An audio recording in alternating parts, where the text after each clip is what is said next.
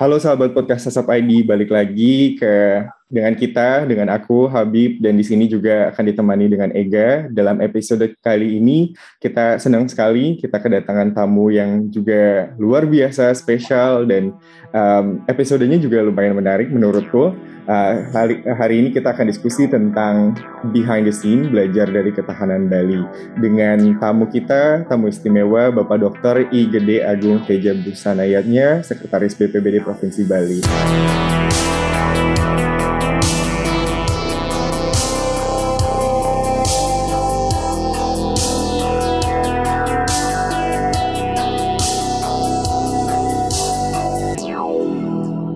Kita sapa dulu yuk Pak Teja. Halo Pak Teja, apa kabar? Baik, apa kabar semuanya? Jadi semoga semuanya baik-baik ya. Siap, semuanya baik-baik Pak dan sangat semangat sekali kita mau dengerin dan mau belajar langsung dari Pak Teja hari ini.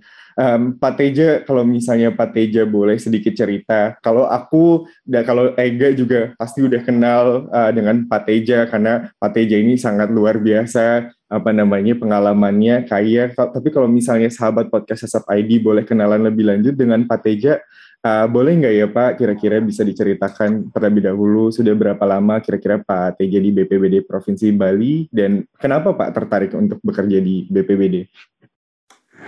Ya, uh, saya kan uh, pegawai pemerintah ya, jadi uh, uh, sempat di awal-awal dari lulus kuliah itu di saya lulusan dari STPDN ya jadi tidak langsung di kebencanaan. Jadi pernah di uh, Badan Kepegawaian, pernah di Badan Kesbang, dan terakhir memang di Badan Penanggulangan Bencana Daerah Provinsi.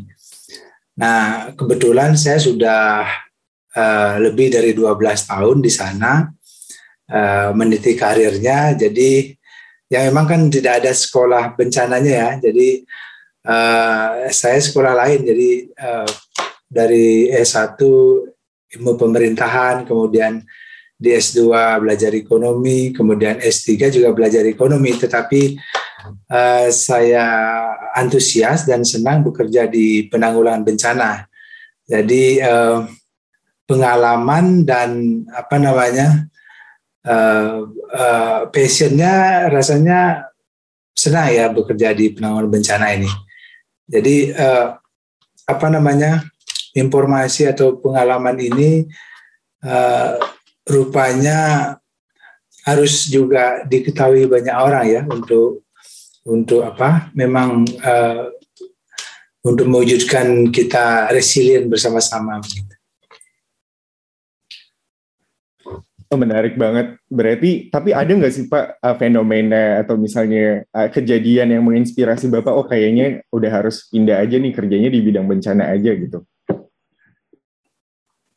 Uh, um, dari pengalaman-pengalaman saja. Jadi meskipun sebenarnya bencana-bencana uh, besar tidak uh, belum pernah terjadi di Bali ya, mudah-mudahan tidak terjadi. Tetapi sebenarnya setiap tahun ada dinamika bencananya uh, uh, yang sebenarnya uh, lumayan begitu. Artinya kita harus menaruh perhatian serius di sana dan bila mana kita bisa berbuat sesuatu di sana itu bermanfaat bagi banyak orang. Saya kira itu nilai yang uh, membuat saya cukup semangat di sana. Pak Teja tadi Pak Teja sempat cerita Pak Teja berkarir 12 tahun di BPBD uh, eh, Provinsi Bali dan sebelumnya juga apa namanya di dinas yang lain ya Pak. Tapi Pak Teja masih ingat nggak sih Pak tugas pertama Pak Teja di BPBD Provinsi Bali itu ngapain Pak? Uh, saya pertama operator ya, operator yang uh, harus uh, berjaga 24 jam.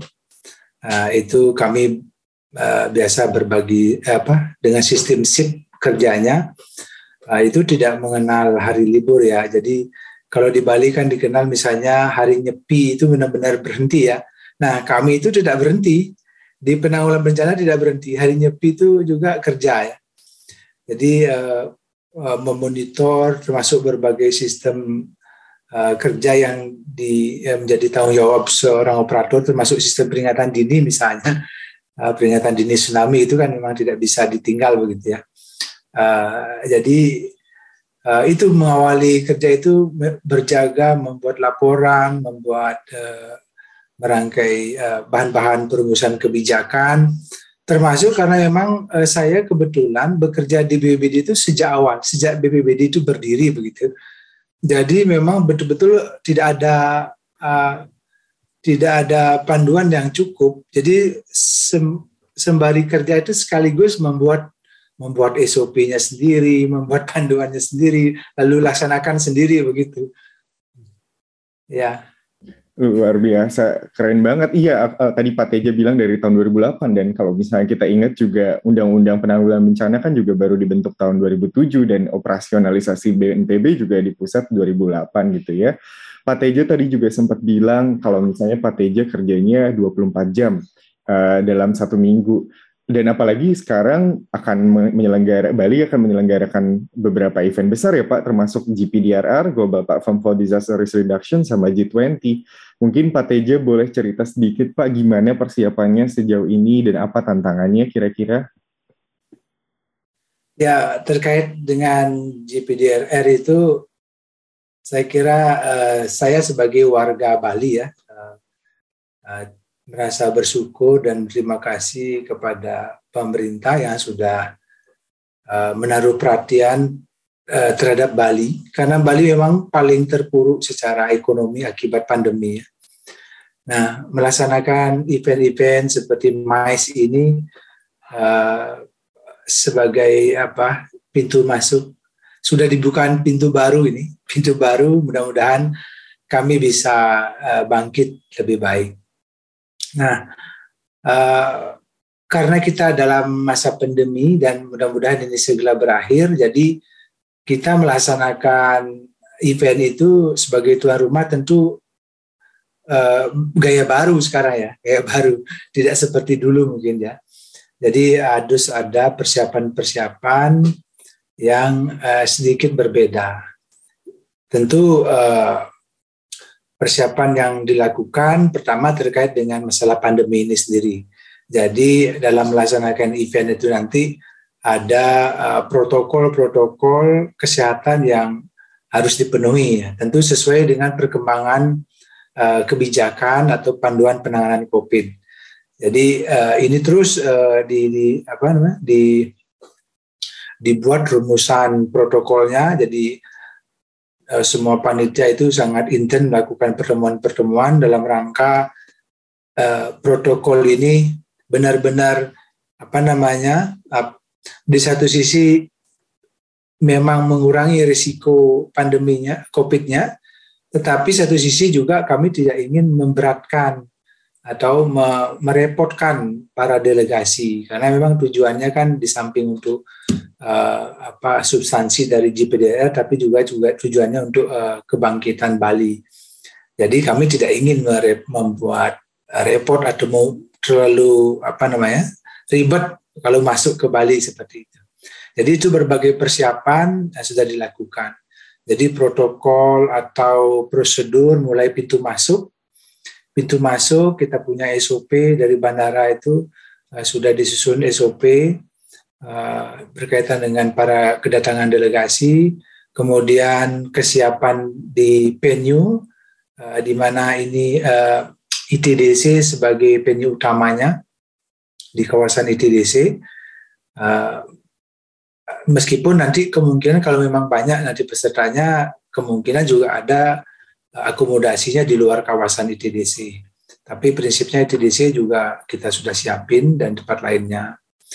Uh, saya kira uh, di dalam event itu kan juga ada kegiatan-kegiatan field trip ya.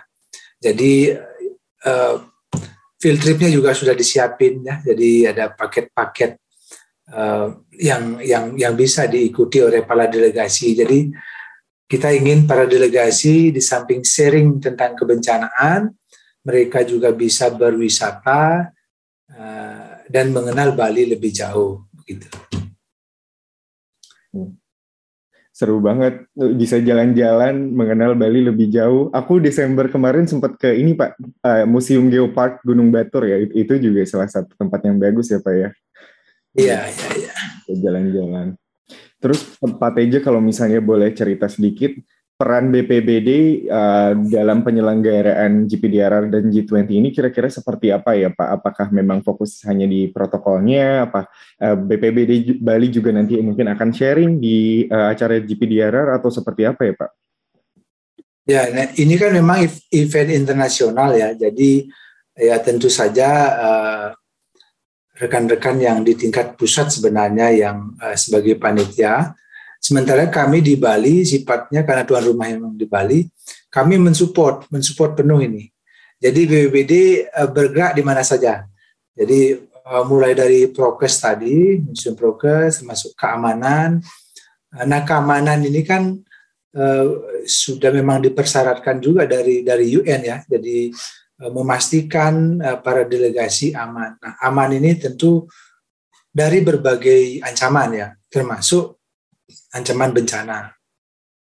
Nah, beberapa kegiatan yang sudah disiapkan, jadi kami menyusun uh, beberapa rencana, rencana kontingensi uh, terhadap apa namanya risiko-risiko yang paling mungkin terjadi. Jadi kami mengidentifikasi dalam event ini ada beberapa risiko. Pertama gempa bumi tsunami, Uh, seperti itu dan uh, juga ancaman teror teror. Uh, dari ancaman ini kami uh, sudah uh, BBBD Bali mensupport panitia pusat juga bahwa rencana kontingensi sudah disiapin, kemudian uh, dilakukan latihan-latihan mulai dari table apa tabletop exercise sampai uh, eh, TFG mungkin nanti juga ada uh, latihan lapangan simulasi lapangannya. Jadi uh, itu memang dipersyaratkan ya uh, oleh panitia juga. Jadi kami sekaligus kami juga memperkuat ya. Jadi dokumen-dokumen perencanaan penanggulangan bencana sebenarnya kami sudah punya. Jadi uh, dalam event ini tentu kita update lagi karena adanya delegasi yang cukup banyak. Jadi ada Eh, kami harus memperhitungkan penyelamatan masyarakat, wisatawan, dan delegasi. Jadi ada ada ada tiga unsur itu nanti uh, yang menjadi concernnya. Demikian juga urusan teror. Jadi kami juga bersama-sama uh, mitra, terutama Polda, TNI juga menyiapkan juga rencana kontingensinya, uh, bagaimana menangani dampaknya itu. Jadi uh, ya cukup cukup sibuk uh, untuk untuk membantu GPDRR ini. Belum lagi apa namanya membantu apa namanya panitia-panitia pusat ataupun di UN yang uh, memeriksa atau memantau kesiapan di Bali. Jadi kita harus mendampingi uh, itu di, diinspeksi beberapa kali dan itu minggu depan mungkin lagi lagi sekali. Wah, Pak, berarti selain uh, turut aktif mengorganisir kegiatannya juga aktif secara teknis meng mengamankan kondisi di lapangan ya Pak ya BPBD Bali. Nah Pak, iya. saya sih pengen Pak Teja saya ingin sedikit beralih ke kan kita di bulan April ini di akhir April ini akan meng, memperingati ya Hari Kesiapsiagaan Bencana tanggal 26 April. Nah, kira-kira ya. di BPBD Bali sendiri ada kegiatan apa sih Pak untuk peringatan Hari Kesiapsiagaan Bencana ini Pak? Ya, memang setiap tahun Hari Kesiapsiagaan kita selalu ada beberapa kegiatan ya. Uh, termasuk tahun ini tentu kita tidak tidak tidak melewatkan, tetap kita lakukan kegiatan-kegiatan uh, yang intinya sebenarnya adalah menguatkan uh, kesadaran semua pihak bahwa kesiapsiagaan bencana itu sangat penting. Kegiatan nanti kami sudah siapin misalnya ada apel gelar. Jadi apel gelar kesiapsiagaan nanti yang melibatkan uh, multisektor semuanya. Dan yang unik tahun ini adalah apel gelar ini akan di difasilitasi atau di apa namanya di di disponsori oleh Forum Pengurangan Risiko Bencana. Jadi tidak langsung BPBD yang menangani seperti seperti tahun-tahun sebelumnya. Jadi ini ingin kami membuktikan bahwa mitra mitra BPBD melalui forum ini sudah bisa aktif dan kolaborasinya sangat baik ya. Nanti akan ditunjukkan melalui uh, sebuah apel gelar, uh, begitu. Dan dan kegiatan lain juga ada. Jadi uh, mungkin uh, sharing podcast seperti ini atau apa namanya ya wawancara di berbagai media di tingkat lokal dan juga itu akan diisi oleh uh, tidak hanya BBBD jadi mitra-mitra kami. Jadi kami ingin uh, pentahelix ini benar-benar keluar begitu. Uh, tidak didominasi oleh BBD tapi BBD di belakangnya sebagai ya provokator begitulah. Provokator bahwa ini memang urusan bersama itu intinya uh, uh, apa namanya bagaimana ini uh, kesadaran seluruh komponen termasuk nanti juga ada simulasi seperti itu simulasi kebencanaan dan memang puncaknya tanggal 26 itu juga memang eh, hari simulasi bagi Bali. Bali punya Bapak Gubernur sudah menetapkan setiap tanggal 26 adalah hari simulasi. Jadi jadi sekalian begitu. Jadi eh, termasuk testing sistem peringatan dini juga dilakukan di tanggal 26 itu. Itu Mas Rega. Oke Pak, uh, berarti uh, forum uh, pengurangan risiko bencana ini juga kerap kali membantu BPBD Bali ya Pak ya, terutama selama COVID-19 ini sebelumnya juga. Nah Pak, saya dengar-dengar juga di Bali itu pihak swasta juga membantu proses pemulihan masa pandemi COVID-19 ya Pak. Misalnya kayak ada Potato Head juga ikut uh, membantu proses pemulihan. Kira-kira uh, cerita-cerita apa lagi sih Pak yang dari pihak swasta dari tadi yang uh, dari sisi pentahelix yang Pak Teja jelaskan barusan? Ya, uh, saya merasa ya uh, bahwa forum pengurangan risiko bencana ini sangat luar biasa mensupport uh, pengurangan program-program pengurangan risiko bencana. Ini apa namanya awalnya memang tantangan ya tantangan karena karena BPBD sendiri sebagai wakil dari pemerintah begitu sebenarnya sebenarnya kapasitasnya sangat terbatas ya. Uh, apakah masalah uh, masalah keuangan atau masalah personil begitu. Jadi permasalahan ini justru menjadi tantangan buat kami sebenarnya bagaimana pentahelix ini berperan kan begitu. Karena memang kami terbatas dan itulah yang memicu. Akhirnya memang pentahelix ini menurut menurut saya ya, sudah sudah luar biasa di Bali. Uh, perlu diketahui bahwa forum pengurangan risiko bencana di Bali ini adalah gabungan dari pentahelix ini. Jadi kami tidak membuat pisah-pisah kan ada dari unsur, unsur akademisi itu kan ada forum IABI tentunya. Nah forum IABI itu kami tarik IABI adalah bagian dari forum PRB. Kemudian juga eh, masyarakat itu dicerminkan melalui relawan. Nah forum relawan ini kami tarik juga bagian dari forum PRB. Demikian juga eh, dari sisi media ini ada di Bali namanya wartawan peduli bencana. Itu kami tarik. Kami tarik, kemudian ada di bergabung di forum. Kemudian juga peran perguruan tinggi, eh, perguruan tinggi untuk pengurangan risiko bencana juga menjadi bagian dari forum PRB. Termasuk terakhir yang yang eh, kami inisiasi dan sudah bergabung rekan-rekan dari dunia usaha yaitu uh, mitra dunia usaha, forum mitra dunia usaha. Itu menjadi sub-sub forumnya pengurangan risiko bencana Provinsi Bali. Jadi satu lembaga bersama. Dan kami di BBD memberi memfasilitasi. Kami siap uh, mem, uh, siapin kantornya, punya kantor di BPBD bareng, jadi ngantor bareng seperti itu. Kemudian kegiatan-kegiatan yang dilaksanakan juga melaksanakan kegiatan bareng-bareng. Gitu sama-sama. Nah, peran dunia usaha ini khususnya semua forum itu sebenarnya sebenarnya sangat sangat berperan ya. Forum perguruan tinggi IAB dan sebagainya itu sudah sudah biasa. Jadi berbagai kajian risiko bencana juga sudah dibantu mereka yang membuat uh, berbagai riset-risetnya, termasuk riset tentang likuifaksi mungkin yang masih jarang. Nah, teman-teman kami di IAB uh, sudah melakukan riset itu likuifaksi di Bali. Khusus dunia usaha banyak ya, jadi apalagi penanganan COVID.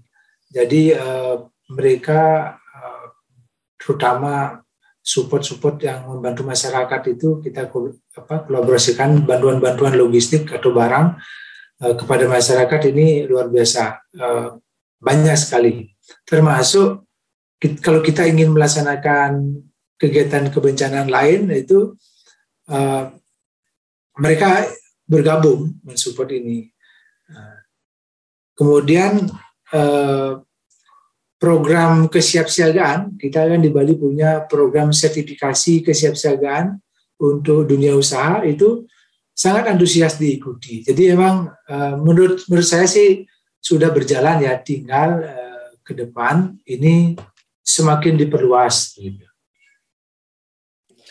Aduh, aku aku bisa menjadi saksi dari apa yang tadi Pak Teja sampaikan bagaimana dunia usaha sangat excited sertifikasi siap siaga bencana ini yang waktu bulan Desember itu ya Pak apa namanya kita mengamati proses sertifikasi hotel siaga tsunami ya tsunami readiness hotel.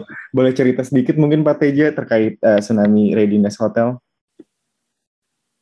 Oh iya, uh, kami di Bali kan memang uh, sudah menyadari bahwa eh, pariwisata itu sudah sudah terbukti kami sangat tergantung kepada pariwisata.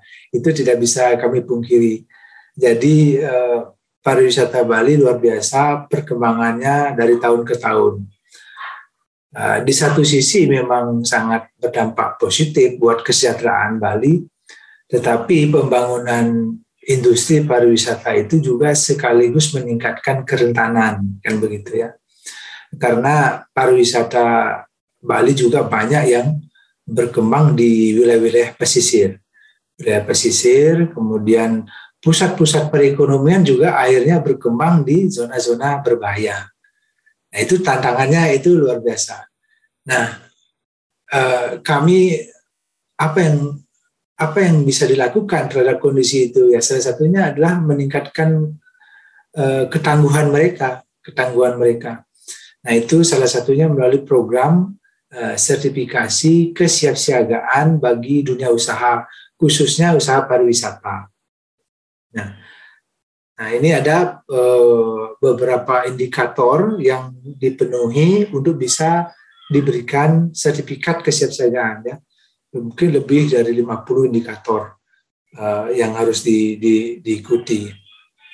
Dan ini uh, sudah dilakukan dari tahun 2014 ya, 2014 dan uh, sudah ada yang uh, apa namanya expired atau harus di, diperpanjang lagi sertifikasinya, eh, sertifikatnya itu dilakukan. Memang ada kendala dalam kondisi pandemi kemarin sempat program ini harus terhenti terhenti ya. Tapi eh, mudah-mudahan tahun, tahun ini sudah dilakukan juga, dimulai lagi, tahun depan mungkin diperluas.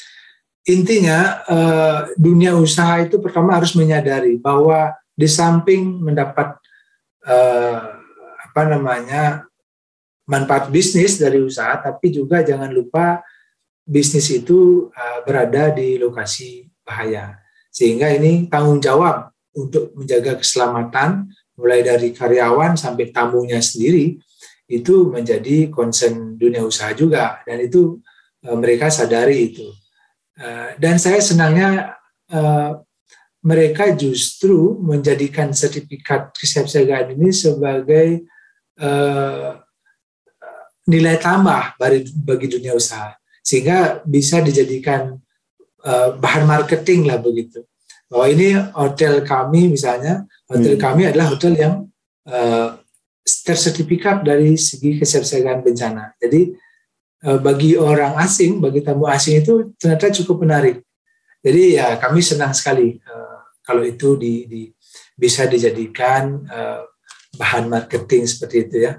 Dan sertifikat itu free, tidak ada biaya sama sekali karena memang kita fokus kepada bagaimana membangkitkan partisipasi dunia usaha ini di dalam penanggulangan bencana. Itu. Iya benar banget. Tadi Pak Tejo cerita bagaimana apa namanya ini dijadikan bahan marketing ya bukan hanya kepada wisatawan internasional tapi kami juga Pak selaku wisatawan domestik nih yang benar-benar apa paham situasi bencana. Oh kayaknya pilih hotel yang emang udah ada sertifikasinya aja nih. Dan uh, kemarin ya waktu bulan Desember ikut di apa namanya proses sertifikasi hotel Courtyard terus juga kemudian kita mengamati juga beberapa hotel tuh punya ini ya brosur tentang bagaimana kesiapsiagaan uh, gempa, tsunami, benar ya Pak ya? Ya, betul.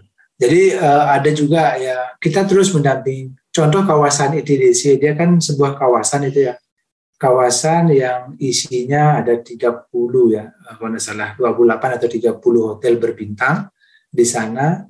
Uh, jadi sebagai kawasan dia juga harus punya uh, apa namanya ya perencanaan perencanaan penanggulangan bencana. Jadi punya rencana kontingensi, punya SOP, dan itu eh, kami ikut mendampingi menyusun itu dan mereka eh, harus melatihkannya secara rutin dan itu bagian dari materi eh, indikator sertifikasi ya. Jadi eh, eh, seri apa pengetahuan kebencanaan tidak hanya manajer tapi juga sampai ke seluruh pegawainya juga harus memahami itu. Seperti itu. Oh ya Pak, uh, sedikit Pak, uh, saya tertarik melihat kan sekarang uh, juga mengikuti perkembangan zaman dan uh, apa namanya kita menghadapi ancaman-ancaman baru gitu Pak. Mungkin Pak Teja juga sering dengar di dunia global nih kita menghadapi ancaman perubahan iklim dan lingkungan gitu ya Pak. Kalau dari sisi pemerintahan Bali, khususnya dari gubernur dan ya BPBD Bali juga, uh, bagaimana sih uh, visi dari pemerintahan Bali mem, apa ya, mengantisipasi dari ancaman perubahan iklim dan lingkungan ini, Pak? Strategi apa yang sudah disiapkan? Silakan, Pak. Ya, uh, uh, sebenarnya kalau kita melihat yang seriusnya itu kan sebenarnya di Bali atau mungkin di global juga hampir sama ya. Isu yang pertama adalah masalah geologi. Masih kondisi geologi ini. Jadi mau tidak mau ya, itu sudah given begitu. Jadi harus ada kita tahu geologi ini menjadi ancaman tersendiri uh, terhadap uh, kebencanaan. Yang kedua adalah perubahan iklim Ya, betul, jadi perubahan iklim juga ini berdampak global ya. Tentu saja harus selalu kolaborasi dunia ini. Uh, ketiga memang seperti pandemi seperti sekarang. Jadi ada tiga isu ini menjadi concern uh, kita harusnya semua di untuk bersama. Nah khusus di Bali uh, dalam rangka uh, apa namanya sebenarnya tidak fokus kepada kebencanaan saja, tetapi Eh, seluruh aspek uh, kehidupan termasuk bencana ini sudah uh, sudah menjadi bagian yang penting dalam visi misi gubernur. Itu yang sudah. Kami kan gubernur kami sudah punya uh, apa namanya visi misinya dikenal dengan Nangun Satkerti lo ke Bali ya. Itu kalau dibedah isinya isinya itu semuanya berkaitan dengan Eh, bagaimana kita mengurangi risiko risiko bencana. Jadi isinya itu Nangun Satkerti Loka Bali apa namanya adalah bagian dari uh, penterjemahan tadi implementasi Trihita Karana. Trihita Karana ya.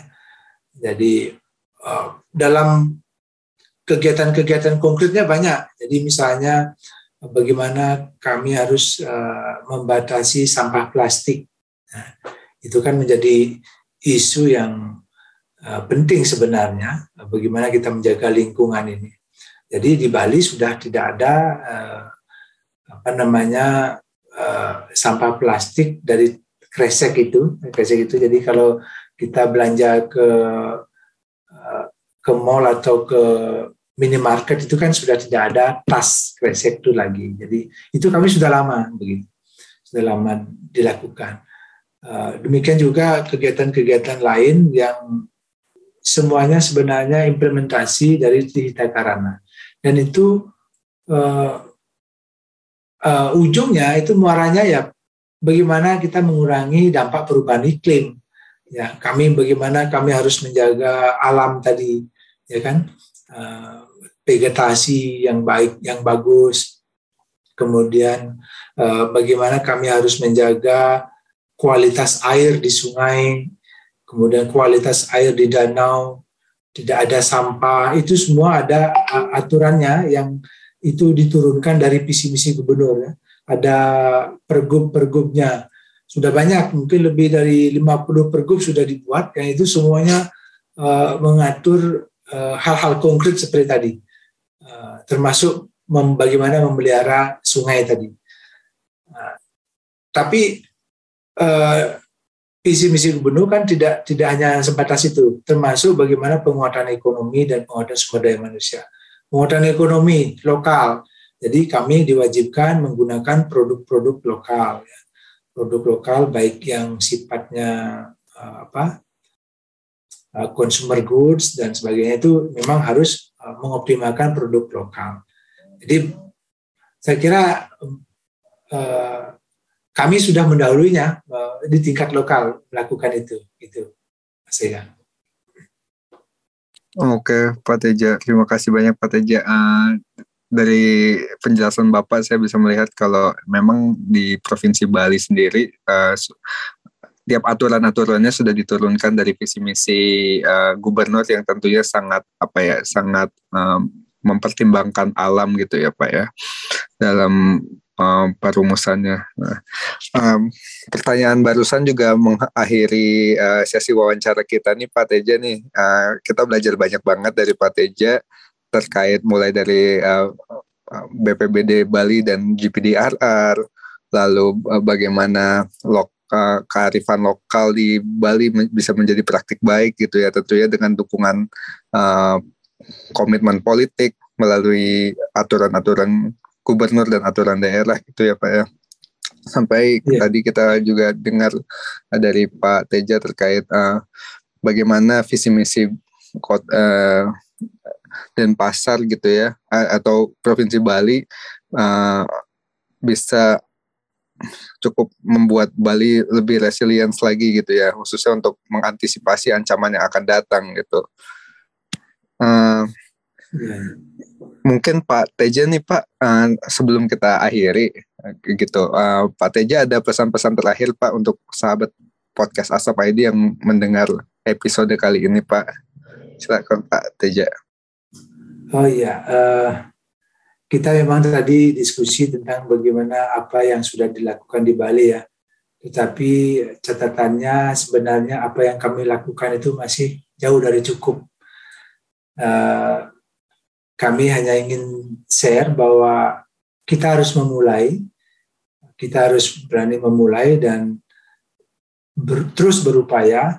Apa yang sudah dilakukan di Bali tentu masih jauh, masih sangat jauh, masih sangat jauh kalau dibilang Bali um, sudah resilient. Jadi kami tahu itu, tapi, uh, tetapi itu menjadi motivasi uh, untuk terus uh, berbuat sesuatu, bagaimana meningkatkan uh, resilient ini dan uh, bagaimana ini menjadi kesadaran bersama. Jadi teman-teman di mana pun berada, ya kita harus sama-sama karena urusan kebencanaan ini urusan global ya, urusan global dan urusan bersama. Jadi tidak ada urusan apa namanya daerah-daerah tertentu lagi. Oke, ini terbukti dalam hal COVID ini sekali satu orang satu daerah terdampak kita juga terdampak. Dia harus sama-sama, bangkit bersama-sama, uh, resilient bersama-sama. Mungkin itu juga menginspirasi ya tema dari GPDR nanti, uh, bagaimana risiko menjadi resilient, kemudian itu harus dilakukan bersama-sama. Itu terima kasih. Oke Pak Taja, berarti eh, tadi ya uh, bangkit bersama-sama dan resilient bersama-sama karena ini masalah kita bersama. Terima kasih Pak Teja sudah mau kita tanya-tanya sedikit nah di episode kali ini mudah-mudahan Pak Teja tidak kapok. Nanti kita bisa diskusi lagi di episode selanjutnya Pak Teja.